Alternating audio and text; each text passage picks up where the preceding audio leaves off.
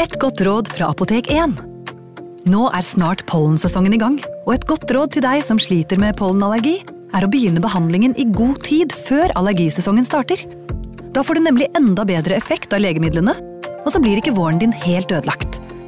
Kom innom og få råd på ditt nærmeste Apotek 1, eller chat med oss på apotek1.no. Apotek 1 vår kunnskap, din trygghet.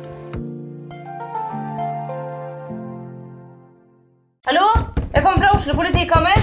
Ine Jansen er purk. Er du purk? The motherfucking bitch. Alt jeg vil, er å finne ut hva som skjedde med mannen min. Jon Carew. Er jeg sikta for noe? Iben Akeli. Det er du. Ole So, Lars Berrum og Big Daddy Karsten. Hvem sin side er du på, egentlig? Anette Hoff, Tone Danielsen, Kommer du fra Afrika? Jørnis Josef, Nesten kløfta. Trond Espen Seim, Det er synd å si det, men det var feil mann som døde. Purk. Premiere tirsdag på TV2 Play. Ungsamtalen fra DNB er økonomisk veiledning tilpasset deg som er ung. Bokk en ungsamtale på dnb.no. slash ung. Det er kjempebra hvis du skal inn på boligmarkedet, hvis det er drømmen din, liksom. Det er det du skulle sagt. Og så kunne du ropt litt mer, da, sånn som jeg gjorde. Bam! Advarsel. Denne podkasten inneholder skildringer av ekte drap og kriminalsaker som kan være støtende for enkelte. Det advares også mot sterke inntrykk i deler av episoden. Lizzie Borden took an axe and gave her mother forty whacks. When she saw what she had done, she gave her father forty-one. Dette er faktisk et barnerim som har en tragisk og litt skummel forhistorie.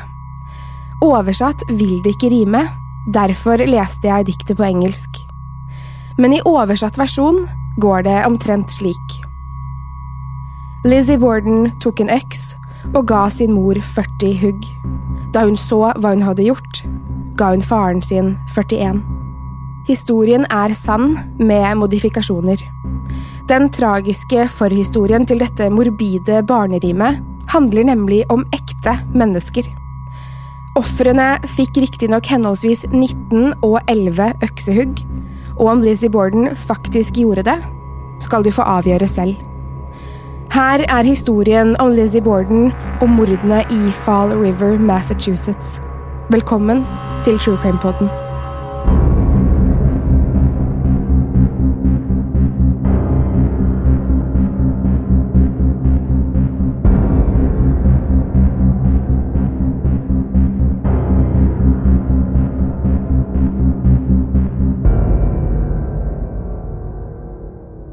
Den 4. august 1892 høres fortvilte skrik i Bordenhuset. To personer er funnet døde, drept med øks eller hakke. Du kan tenke deg hvor mye blod det var. I husets andre etasje ligger Abby Borden, Lizzies stemor, med skallen slått inn. Hjernemasse og svart, klumpete blod hadde størknet i gulvteppet. Abby hadde på seg en nystrøken, hvit kjole og hvitt forkle. Det stivede stoffet hadde holdt formen, selv om bæreren tydeligvis hadde vært i en voldsom kamp. På gulvet i gjesterommet lå hun, 64 år gamle Abby. Hun lå på magen, med hendene hjelpeløst fremfor seg og med ansiktet ned mot teppet. Hele bakhodet til Abby var knust. Det så nesten ikke ut som om det hadde vært et bakhode der. 19 slag med øks eller hakke hadde sørget for det. Det hvite stoffet på kjolen hennes var fortsatt helt hvitt, en stor kontrast til det som hadde skjedd. Det var Abby Bordens ektemann, Andrew Borden, som først ble funnet.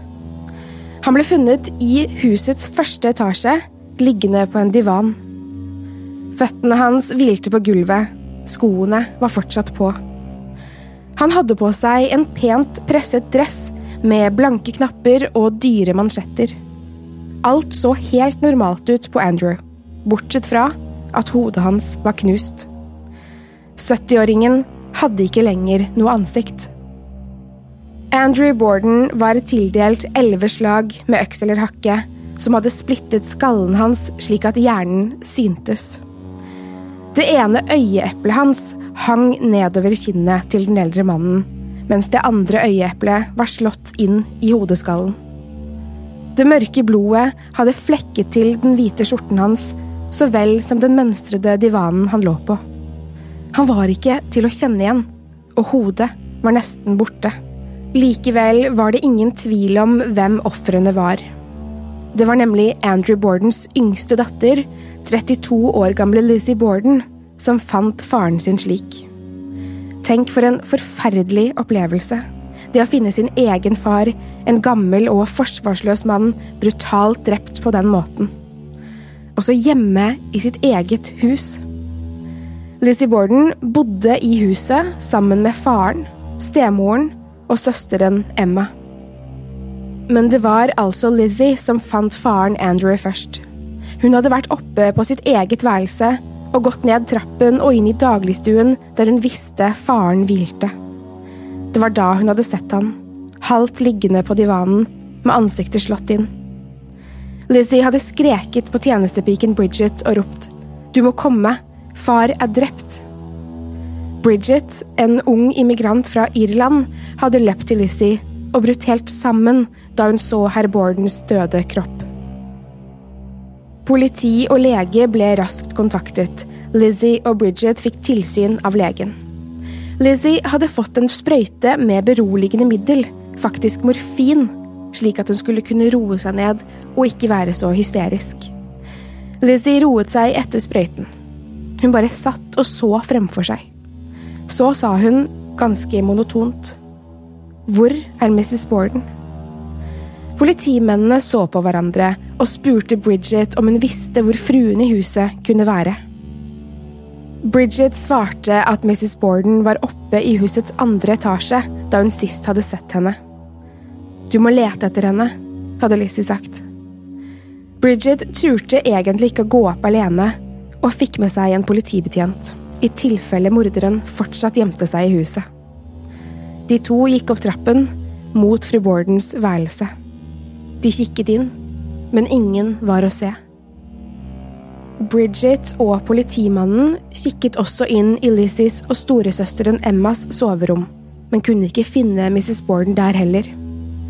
I enden av gangen lå gjesterommet, men døren var lukket. Bridget gikk først, med politimannen hakk i hæl. Forsiktig åpnet de den tunge tredøren, og lukten av blod slo mot dem. På gulvet ved siden av sengen lå Abby Borden med knust hodeskalle og blod størknet i gulvteppet. Det hadde altså skjedd to drap i Borden-huset. Mens Lizzie og Bridget var hjemme, hadde to personer blitt slått i hjel med øks eller hakke.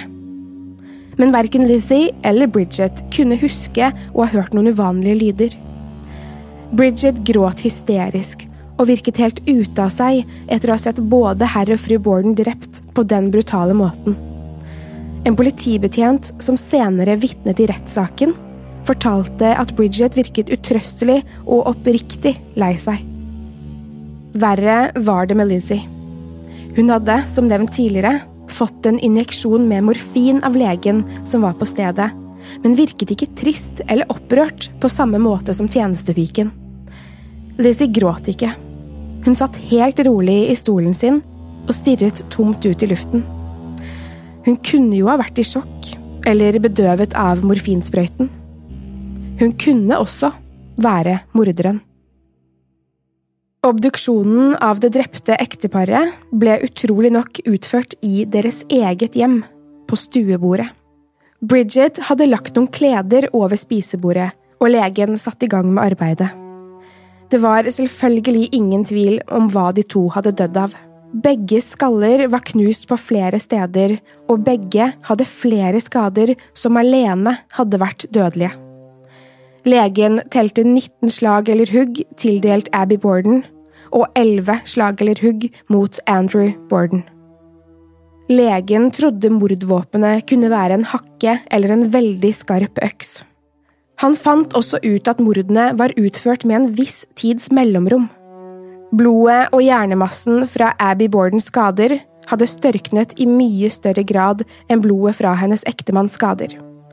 Derfor noterte legen seg og informerte politiet om at Abby hadde dødd først, rundt klokken ni om morgenen, og at Andrew hadde dødd to eller tre timer etter sin kone.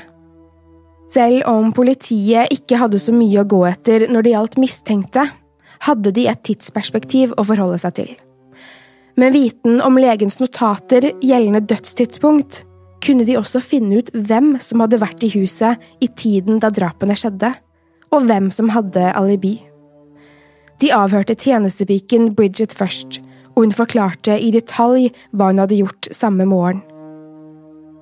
Bridget hadde stått opp rett etter klokken fem og satt i gang med frokost og klesvask. Hun hadde ryddet kjøkkenet og begynt å dekke på tallerkener, kopper og glass til familiens måltid. Bridget hadde bare dekket på til herr og fru Borden og deres gjest, som var Andrews svoger og søstrenes onkel. Han var deres avdøde mammas bror og besøkte innimellom slektningene som bodde nede ved elven. Ekteparet Borden samt svogeren hadde spist frokost sammen den morgenen. Det var første gang på et par dager da hele familien hadde vært syke med magevirus de siste dagene. Men selv om søstrene Lizzie og Emma var hjemme, ville de ikke spise frokost med faren og stemoren. Bridget fortalte at det var en del konflikter innad i familien. Konflikter store nok til å drepe, tenker du kanskje nå. For å forklare denne konflikten må vi tilbake til da Lizzie var liten. Lizzie Andrew Borden oppkalt etter sin far, ble født den 19. juli 1860 i Fall River, Massachusetts. Hun var datter av Andrew og Sarah Borden, som fra før hadde datteren Emma. Emma var ti år da lille Lizzie ble født. Lizzie og Emma fikk også et søsken til, som dessverre døde bare noen måneder gammelt. Lizzie og Emmas mamma var mye syk da Lizzie var liten, og fra da Lizzie var halvannet år, var moren sengeliggende. Hun klarte ikke å leke med døtrene, så storesøster Emma ble nesten som en mamma for lille Lizzie. Da Lizzie var litt over to år gammel, døde moren deres. Emma lovet mammaen sin på dødsleiet at hun skulle ta seg av lillesøsteren. Emma tok løftet hun ga til moren sin veldig seriøst, og passet på Lizzie så godt hun kunne. Tre år etter at moren Sarah døde, giftet faren deres seg på nytt med Abby. Abby hadde ingen egne barn og kom fra et litt lavere middelklasse enn det Andrew og jentene gjorde. Allerede fra første gang de møtte Abby, viste jentene tegn til at de ikke likte sin nye stemor. Selv om Abby prøvde så godt hun kunne, hun bakte kaker til dem, tok dem med til byen og fikk sydd fine kjoler til de to jentene, ville de ikke ha noe med henne å gjøre. Andrew Borden tok situasjonen veldig tungt, for Abby var en snill og omtenksom dame som bare ville jentene godt. Flere av Abby sine venninner fortalte at avvisningen fra stedøtrene var en stor sorg for Abby. Abby var faktisk veldig snill med jentene, til tross for oppførselen deres, og det finnes ingenting som tilsier at Abby noen gang hevet stemmen eller straffet dem for noe som helst. Jentene kalte Abby for Mrs. Borden istedenfor Abby, eller kanskje til og med mamma eller mor. Hvis jentene møtte Abby i byen, nektet de å hilse på henne, selv om de bodde under samme tak. De mobbet Abby, men helt til det siste var Abby snill med stedøtrene. Hun hadde et håp om at de en dag skulle komme overens. Søstrene var på sin side overbevist om at Abby hadde giftet seg med faren deres for pengene. Det gikk en del rykter om at alt ikke var som det skulle med Lizzie. Hun hadde et voldsomt temperament og kunne til tider være voldelig mot klassekamerater. Det gikk også rykter om at Lizzie, etter morens død, var sykelig opptatt av begravelser, og at hun drepte kattunger og små fugler kun for å holde begravelser for dyrene hun selv hadde drept. Emma og Lizzie hadde en kristen oppdragelse og tilbrakte mye tid i den lokale kirken. Lizzie fikk, bare som tenåring, lov til å undervise barna til europeiske innvandrere på søndagsskolen, en jobb hun likte godt. Både Lizzie og Emma gjorde mye frivillig arbeid for kirken og byens fattige og vanskeligstilte. Lizzie ble etter hvert medlem av en kvinneorganisasjon kalt Ladies Fruit and Flower Mission, som blant annet samlet inn penger til mat for byens fattige. Imens alt frivillighetsarbeidet ble utført, drømte Lizzie om en dag å komme seg vekk. Hun ville bo oppe på The Hill, der de rike menneskene bodde. Selv om Borden-familien var velstående, og de fleste hetende Borden bodde oppe på The Hill, var Lizzies del av familien den minst privilegerte. De bodde ikke på The Hill, men nede ved elven, der fabrikkene og arbeiderklassen bodde. Alle farens penger hadde han tjent selv, han hadde gjort gode investeringer og kjøpt opp fabrikker. Han ville bo nære pengene sine, pleide han å si, og var ofte innom fabrikkene for å se at alt sto bra til med produksjonen. Lizzie drømte om vakre kjoler, ekstravagante fester og ball og et stort hus. Men Lizzie og søsteren ble sjelden invitert på slikt, og faren deres likte ikke å bruke penger unødig. Derfor ble det en stor konflikt innad i familien da stemoren Abbys søster kom i økonomisk knipe. Søsteren sto i fare for å bli kastet ut av huset sitt, og Andrew bestemte seg for å hjelpe svigerinnen sin. Han kjøpte et hus til henne. Lizzie og Emma ble både sinte, skuffede og sjalu. De hadde aldri fått noe hus av faren sin, og skjelte ham ut da de fikk vite om huset han kjøpte til Abby sin søster. Faren fikk veldig dårlig samvittighet og bestemte seg for å prøve å gjøre det godt igjen for døtrene sine. Da jentenes farfar hadde dødd, arvet Andrew et hus av faren sin.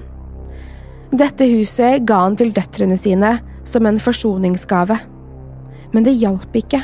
Skaden var allerede skjedd, og jentene hadde et anstrengt forhold til faren og nektet å snakke med stemoren sin etter dette. Selv om konflikten innad i familien regjerte, var fortsatt jentene glade i faren sin. Dette kunne også tjenestepiken Bridget bekrefte. Men forholdet til stemoren ble aldri bra. En uke før drapene hadde Lizzie riktignok kommet tilbake til familiehuset, annet for å hilse på onkelen sin som var gjest i disse dagene. John Morse, som han het, var i byen for å diskutere forretninger med Andrew Borden. I dagene før drapene hadde hele familien, som nevnt, blitt veldig syke. De hadde fått et slags magevirus og hadde verken klart å holde nede mat eller drikke. Abby hadde blitt bekymret og trodd at noen kanskje prøvde å forgifte familien hennes. Hun visste at ektemannen hadde fiender som følge av investeringene sine, og ble oppriktig redd da de alle ble så dårlige. Ikke før samme morgen som drapene hadde de klart å spise som normalt igjen. På morgenen den 4. august 1892 hadde onkelen John Morse sovet i gjesterommet. Det var Emma og Lizzie sin jobb å vaske rommet og gå og skifte sengetøy hvis det var brukt. Siden Emma fortsatt var utenbys, orket ikke Abby å krangle med Lizzie om gjesterommet etter at John Morse hadde reist. Han hadde reist etter frokosten ca. klokken kvart på ni. Abby hadde derfor bestemt seg for å vaske og bytte sengetøyet på gjesterommet selv. Ifølge obduksjonsrapporten skal Abby ha sett rett på morderen da de første slagene haglet. Legen trodde deretter at kvinnen hadde mistet bevisstheten som følge av slagene, og falt om. Dermed hadde morderen gått løs på henne, helt til skallen var knust. Legen mente at 19 slag med en kraftig øks eller hakke var mye mer enn hva som hadde vært tilstrekkelig for å drepe stakkars Abby. Abby må ha vært død i mer enn en time da ektemannen Andrew kom hjem. Abby lå ihjelslått i gjesterommet i husets andre etasje, og det kunne godt hende at Andrew ikke gikk opp til andre etasje og så sin kone ligge død. Dette kunne også støttes av Lizzies forklaring til politiet. Andrew Borden hadde kommet hjem rundt halv elleve på formiddagen etter å ha vært i et par møter, ett hos banken og ett på den ene fabrikken han eide. Som følge av den mistenkte forgiftningen uken før hadde Abby beordret tjenestepiken Bridget til å låse alle dører og vinduer, slik at ingen uvedkommende skulle kunne ta seg inn i huset. Det gikk ikke an å komme seg inn i Borden-huset uten at noen innenfra låste opp. Cirka klokken halv elleve hadde Andrew Borden banket på kjøkkendøren, og Bridget hadde åpnet for han. Hun hadde slitt litt med å låse opp døren først, og unnskyldt seg til herr Borden på grunn av det. Ingen fare, Miss Sullivan, hadde Andrew sagt.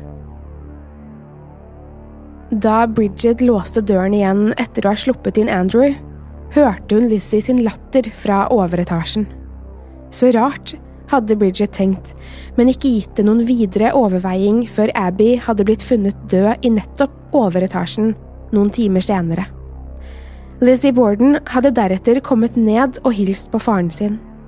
Andrew var blek og sliten, og trodde han ikke var blitt helt frisk etter mageviruset eller forgiftningen. Lizzie foreslo at han skulle legge seg ned og hvile litt, og Andrew syntes det hørtes ut som en god idé. Lizzie hjalp han av med frakken og bort til divanen i den ene stuen. Hvor er Abby? hadde Andrew spurt Lizzie, siden Abby ofte kom ned og hilste på ham når han kom hjem fra jobb eller spaserturer. Abby fikk en beskjed, og hun gikk ut en tur, svarte Lizzie. Det var rart, svarte Andrew. Hun kommer nok snart, sa Lizzie. Andrew Borden la seg til rette og sovnet. Cirka klokken ti over elleve var Bridget i tredje etasje og vasket vinduer da hun hørte Lizzie rope fra første etasje. Bridget, du må komme, far er drept. Bridget skyndte seg ned trappene og så det forferdelige synet. Blodet rant fortsatt fra de åpne sårene i skallen hans. Lizzie sto forferdet ved siden av, og Bridget la merke til at Lizzie hadde skiftet kjole. Legen mente at Andrew Borden hadde dødd ca. klokken elleve, ti minutter før Lizzie hadde ropt på Bridget. Alt tydet på at det var samme morder som hadde drept både Abby og Andrew Borden. Det betydde at morderen må ha vært i huset hele formiddagen. Men hvorfor drepte ikke morderen Bridget og Lizzie? Politiet syntes Lizzie sin avslappede oppførsel var urovekkende, til tross for at de visste hun hadde fått en sprøyte morfin av legen som kom til åstedet sammen med dem. Lizzie hadde ikke virket lei seg over dødsfallene slik Bridget gjorde. Politiet tar med seg begge jentene til stasjonen for formelle avhør. Bridget ble sluppet fri etter kort tid, men Lizzie ble sittende. Hun forteller flere ulike historier om hva som skjedde samme formiddag. En som snakker sant, forteller den samme historien om og om igjen. De trenger ikke å huske på hva de sa forrige gang, de forteller det som skjedde, og endrer ikke forklaring. En som lyver, endrer gjerne deler av historien sin, kanskje detaljer eller legger til nye opplysninger etter hvert som tiden går. Det var kanskje dette som fikk politiet til å se på Lizzie som mistenkt i saken. Lizzie hadde motiv, mulighet og midler til å drepe foreldrene sine. Motivet var penger. Muligheten hadde hun den morgenen da nesten ingen var hjemme, og midler? Politiet fant en øks i husets kjeller. Var den brukt til å drepe Andrew og Abby Borden? Øksen hadde flere rødbrune flekker på bladet, og politiet bestemte seg for å sjekke om det kunne være blod. Lizzie Borden forstår at politiet mistenker henne, men de slipper henne likevel samme kveld. Søsteren Emma er kommet hjem på grunn av drapene, og onkelen John Morse er også tilbake i Borden-huset. Politiet sjekker også om John Morse kunne ha hatt noe med drapene å gjøre, men han hadde vanntett alibi. Morse hadde blitt sett flere steder i en annen by den dagen. Bridget er liten og sped, og skulle ikke ha klart å drepe Abby med øks, da Abby var både større og høyere enn lille Bridget. Tjenestepiken utelukkes også som mistenkt. Det er bare Liz igjen, den eneste som ikke har alibi, men også en grunn til å ønske faren og stemoren døde. Dagene går, og nyheten om mordene i Borden-huset er en snakkis i alle byens kretser. Avisene skriver artikler om mordene, og saken diskuteres overalt. Venner og slektninger kommer på besøk til Borden-søstrene, som nå bor alene i huset der Andrew og Abby ble drept. En venninne av Lizzie kommer innom en dag og ser Lizzie dytte en blå kjole inn i kaminen på kjøkkenet. Venninnen spør hva Lizzie gjør, og Lizzie forklarer at hun brenner kjolen sin fordi den var full av maling. Venninnen synes Lizzies forklaring er såpass urovekkende at hun går rett til politiet med det hun så. Lite visste venninnen at Bridget hadde fortalt politiet i sitt avhør at Lizzie hadde skiftet kjole den formiddagen, og at kjolen hun bar på morgenen, var blå. Kan kjolen Lizzie brant ha vært full av blod og ikke maling?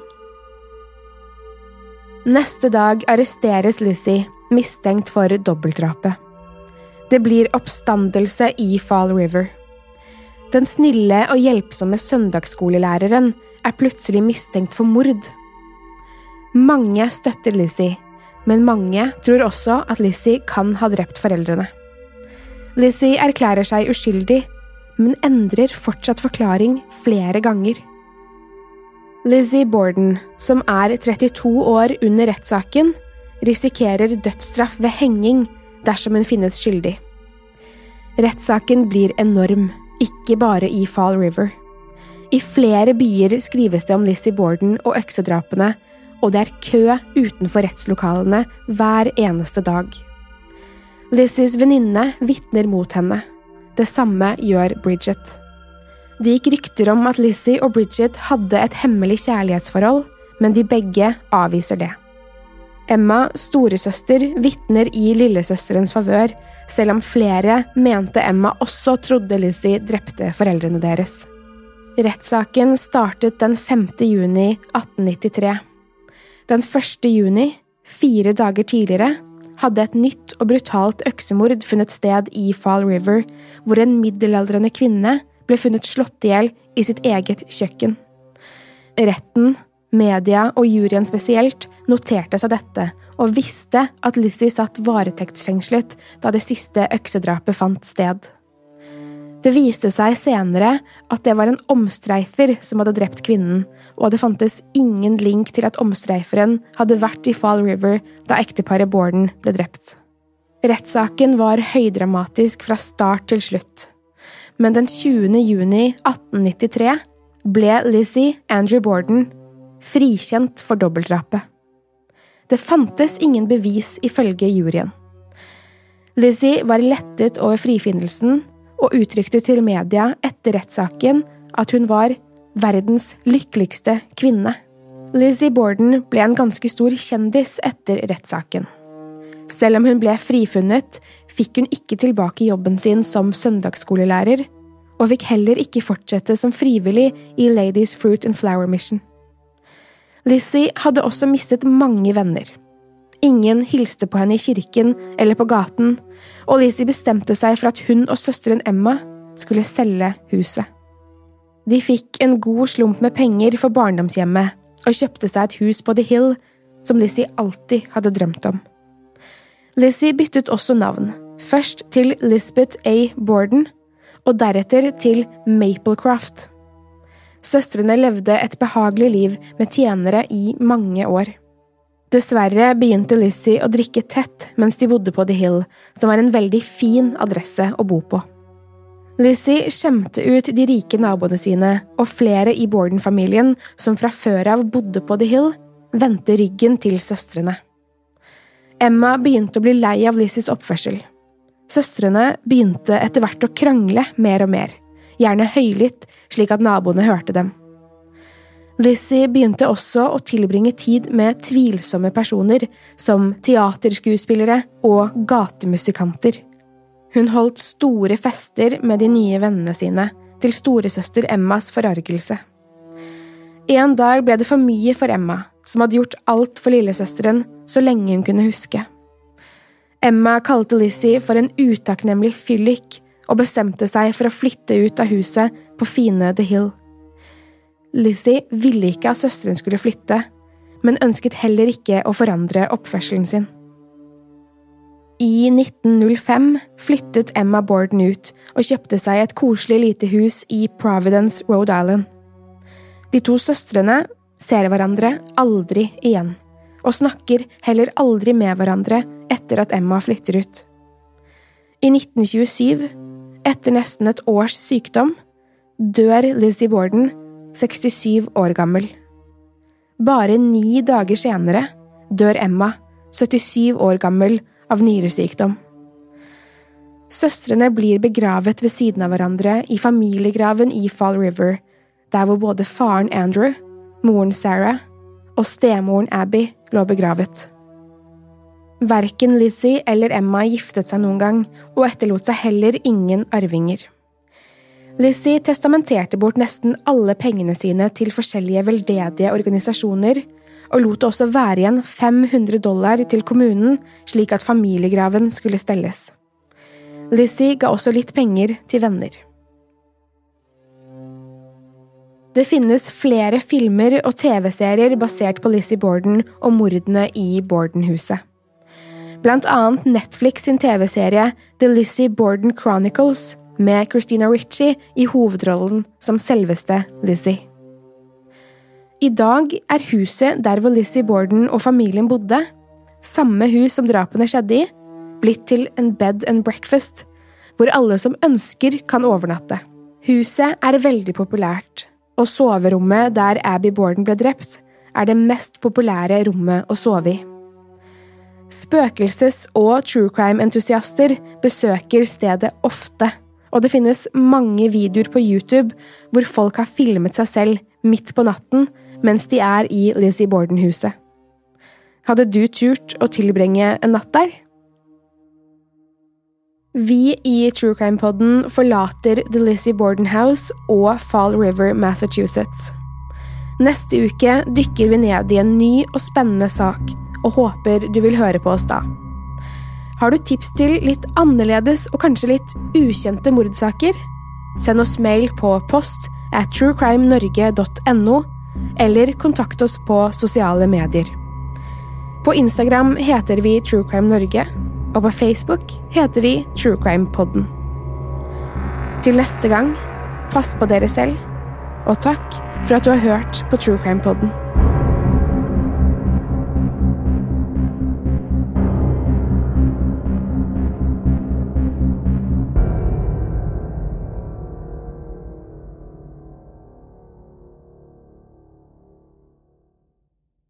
Har du et enkeltpersonforetak eller en liten bedrift? Da er du sikkert lei av å høre meg snakke om hvor enkelt det er med kvitteringer og bilag i fiken, så vi eh, gir oss her, vi. Fordi vi liker enkelt. Fiken superenkelt regnskap. Hei! Takk for at du lytter til True Crime Podden. Skulle du ønske at du kunne høre en ny episode av denne podkasten hver eneste uke? Vel, da er det bare å laste ned podkastappen Untold med en gang. I tillegg til ukentlige episoder av podkaster som Skrekkpodden, Synderne og Henrettelsespodden, får du masse annet reklamefritt og eksklusivt innhold. Last ned Untold i AppStore eller Google Play, og start din 30 dagers prøveperiode i dag.